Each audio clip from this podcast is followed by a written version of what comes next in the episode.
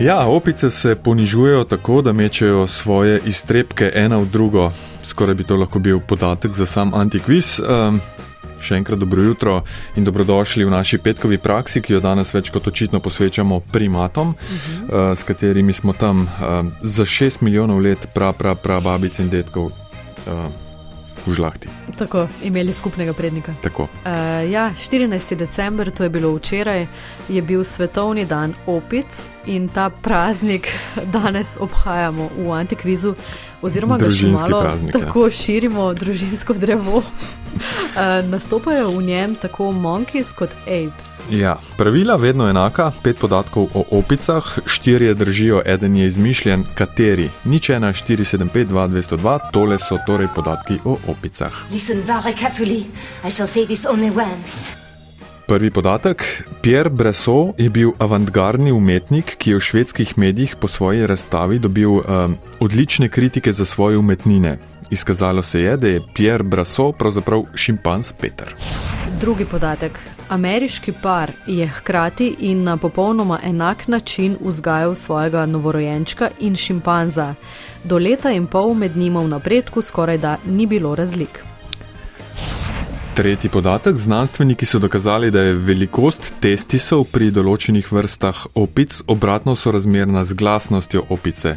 Manjši kot so testisi, glasnejša in z globijim glasom se oglaša opica. Četrti podatek. Izrek o neskončni opici je teorija iz knjige Verjetnosti matematika Emila Borela, ki trdi, da če bi opica neskončno dolgo tipkala, bi slejko prej uspelo natipkati katerokoli besedilo, ki obstaja v francoski nacionalni knjižnici. In še peti zadnji podatek. Več deset opic kapucink so v ZDA usposobili do te mere, da jih imajo paraplegiki doma kot hišne pomočnice, ki pomagajo pri gospodinskih opravilih. Nič 1, 475, 2202, kateri od podatkov ne drži.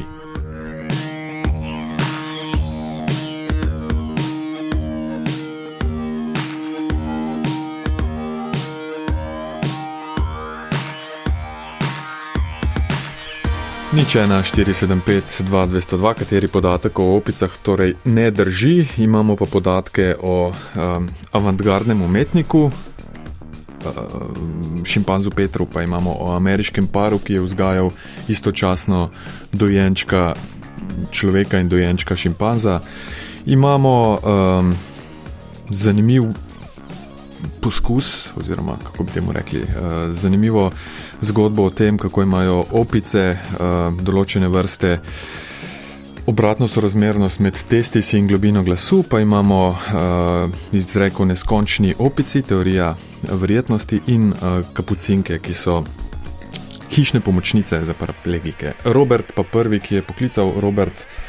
Ja, dobro jutro. Dobro jutro. Zdaj jaz niham med trojko pa med štirko. Zdaj, trojka se mi zdi tako človeška, da bi lahko tudi opicam izžal. Kako, kako to mislite? Upravljamo, kako jaz to mislim. da nismo tako prav, prav, prav, prav, prav, prav povezani. ne, dobro, pa nas je, da je ta kričanje na domestu velik avto, ampak pusto, da je to. No, tako. Ja, jaz bi bil v tej četrti, pa tako ne rečem, da tega ni zapisal, se mi pa zdi podatek tak, da verjeten je neuresničljivo. Uh -huh. Tako da se bom za štirko odločil. Robert, eh, dejansko obstaja izreko neskončni opici? Ne, se s tem se strinjam. Ja. Uh -huh. ja, zgodba ima še nadaljevanje. Leta 1909 ga je zapisal francoski matematik Emile Borel, ko je pisal o teoriji verjetnosti in trdi, da če bi opica, oziroma še bolje, neskončno mnogo opic tipkalo neskončno mnogo časa, bi med rezultati dobili vsa besedila, ki so shranjena v francoski nacionalni knjižnici, kar so potem uh, Britanci prevedli kot vsa dela Williama Shakespearea. Uh -huh. Borel je opice uporabljal uh, kot metaforo, s katero je poskušal ponazoriti pojma neskončnost in verjetnost. Ja, pravzaprav so opice metafora za abstraktni stroj, ki bi proizvajal na ključno zaporedje črk. Eh, težava je, kot pravite, Robert, tudi sami, ne, da gre zgolj za teoretiziranje, eh, ker vsaka posamezna opica nima neskončno količino časa in nimamo neskončne količine opic. Če pa poskušamo to ponazoriti matematično, Če ima tipkalni stroj 25 črk in presledek in opica vsako sekundo pritisne eno tipko, bi po nesreči uspelo smiselno tričrkovno besedo zapisati vsakih 5 ur. Ja, to je podobno, kot če bi kot v stari Grči volili predstavnike politike z žrebom, bi, bi dobili popolnoma isto kvaliteto. Ja. Kot pa z volitvami, kaj ne? Tako, ja. Govorimo o starih Grkih, seveda. Ja. Ja, pa, uh, pa o teoriji. ja, uh, torej, uh, podatek drži, ker to dejansko je teorija in dejansko bi se išlo. Ne, je pač dinistirati. Zdaj sem pa poznal to teorijo. Ja, ja. Kaj še na finta v zadej. Ne, žal ne. Teoretska finta. ja, ja tako no, se dogaja. Ja. Ja. Uh, lep dan, Robert. Enako, hvala. hvala, srečno. Torej, če bi po teh 25 črkah vsakih 5 ur bi uspelo tri črkovno besedo sestaviti opici, če bi torej želeli denimo dobiti stavek, poet tvoj nov slovencem venec vije, ki ima skupaj 34 znakov, bi morali čakati tadej. 4x10 na 40 let, to je približna starost vesolja. Uh -huh. uh, pa še kot zanimivost, ne naredili so ta poskus dejansko. Okay. V praksi dva meseca je trajal. Uh -huh. Skupina šimpanzov iz nekega živalskega vrti, vrta v Angliji je dobila tipkovnico povezano z računalnikom uh -huh. in v skoraj dveh mesecih je natipkala približno pet strani. Uh -huh. uh, večinoma je alfa samec tiščel črko S, uh -huh. potem začel po tipkovnici toči s kamnom, uh -huh. na koncu pa so šimpanzi po tipkovnici še urinirali in izločali na njo blato. Skratka, Dva meseca so to očitno do opazovali. Šekspira uh, ali pa francoske nacionalne knjižnice ja. še čisto malo manjkalo. Pikice. Ja. Pavle, pozdravljeni. Dobro jutro. Dobro, Dobro jutro. jutro. Ja, jaz se bom pa kar odločil za trojko. Za trojko. Ko vas je napeljal Robert. Ne, ne, tako je, ko sem slišal, se mi je to zdelo. Se pravi. Uh, Korelacija med velikostjo testisov in glasnostjo in globino glasu. Obratna, obratna sorazmernost, to vas je zmotilo. Ja. -huh. Zakaj? Ja, ne vem zakaj. Pa zato me je zmotilo, ker ste rekli, da, da imajo opice testise, drugače ima opičjak ima testise. Ne? Dobro. Ja, opice, samec ali samica, oboje opice. um, šlo je takrat kar za odmevno študijo znanstvenikov iz Univerze v Utah, tudi v sodelovanju s Cambridgeom, pa Dunajsko univerzo. In skupaj so potem to objavili v reviji Current Biology. Naredili so jo na vrsti opic vriskač, ki živi pretežno v Južni in Srednji Ameriki. Ugotovitev pa se glasi, da so velike spolne žleze, ki proizvajajo več sperme, v največjem deležu obratno sorazmerne z velik, to veliko podjezično kostjo glasilnega trakta, ki pomaga ustvarjati globok glas, ki prestraši tekmece in pritegne samice. Uh -huh. Zdaj ne bova Uršila uh -huh. podrobno razlagala, kako in zakaj so prišli do teh ugotovitev, na katere sicer namigoval že sam Darwin, ko je ugibal o dveh spolnih taktikah, kako razširiti svoje gene. So pa raziskave upravili na 87 opicah, predvsem v živalskih vrtovih v Braziliji in Nemčiji.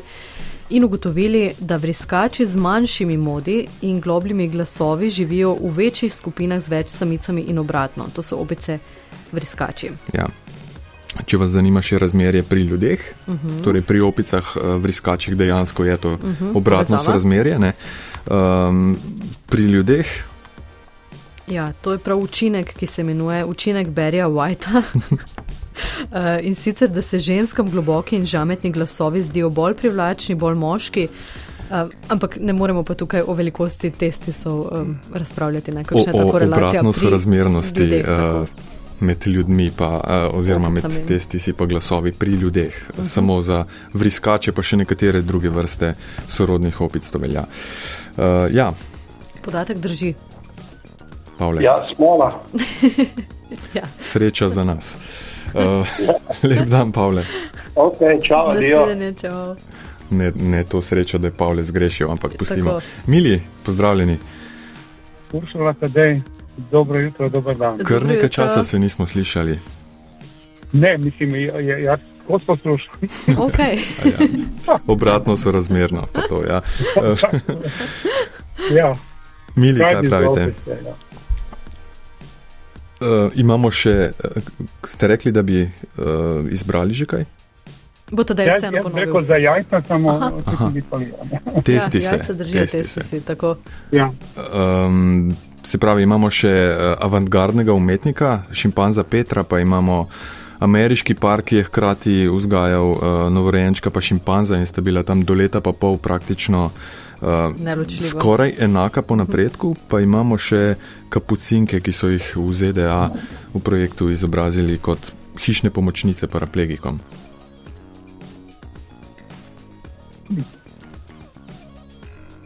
Demo potem uh, do leta pa pol, da sta bila, da ni bilo razlike. Kaj vas je zmotilo tukaj, Mili?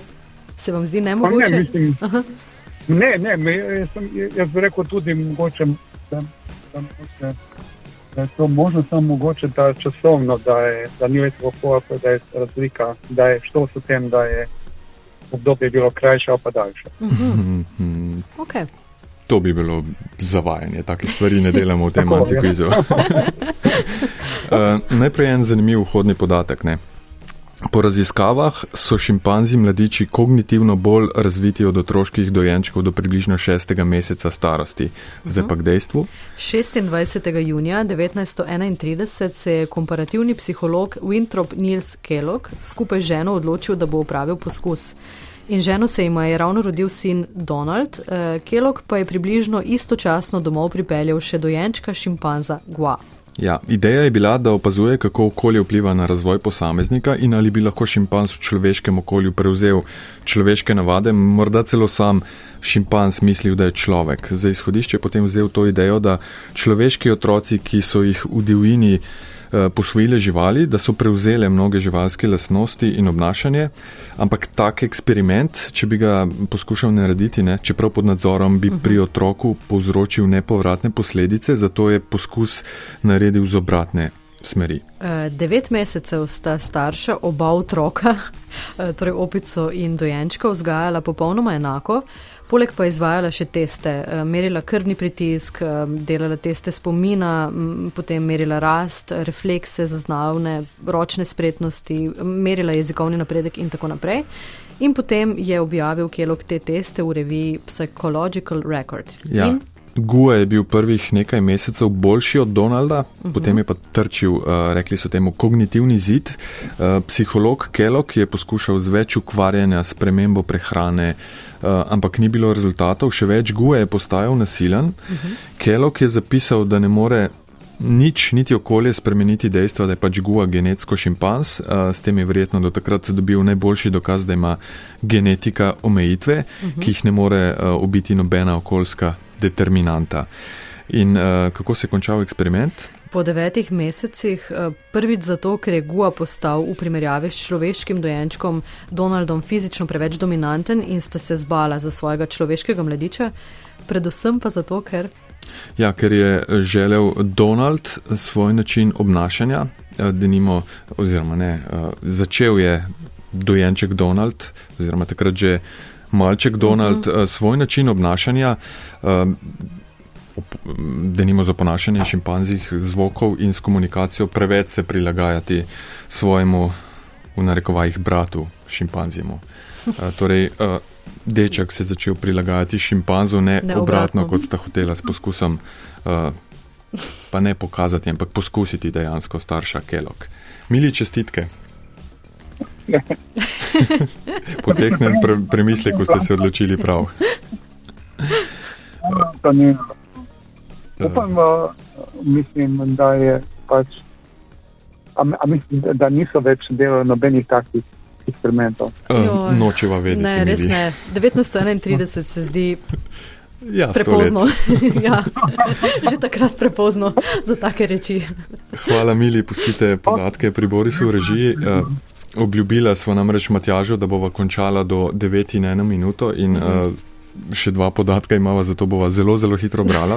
okay. Uršala Pierre Brasso, šimpans in soavtor šale švedskega novinarja um, Okeja Axelsona leta 1964. Uh -huh. Ta je delal takrat za švedski tabloid Göteborg Tidningen. Uh -huh. Axelson je prišel na idejo, da bi na večji razstavi med ostale pomešal tudi serijo slik šimpanza, uh, ki bi jih predstavil kot dela manj znanega francoskega umetnika Pierra Brossoja. Uh, hotel pa je ugotoviti, ali bodo kritiki sploh ugotovili razliko med avantgardno in moderno umetnostjo in pa neko packarijo uh, šimpanza ja, Petra. Packarija, kako grda beseda. Ja.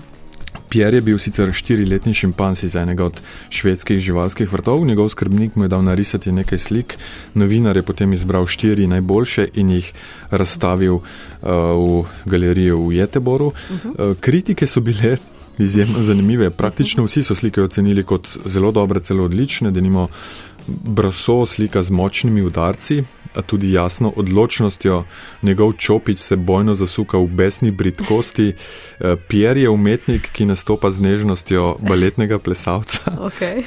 Je pa bil eden od kritikov, ja, vršila. Eh, ki je zanimivo napisal, da bi lahko take zmaske narisala samo opica. Tišment, ja.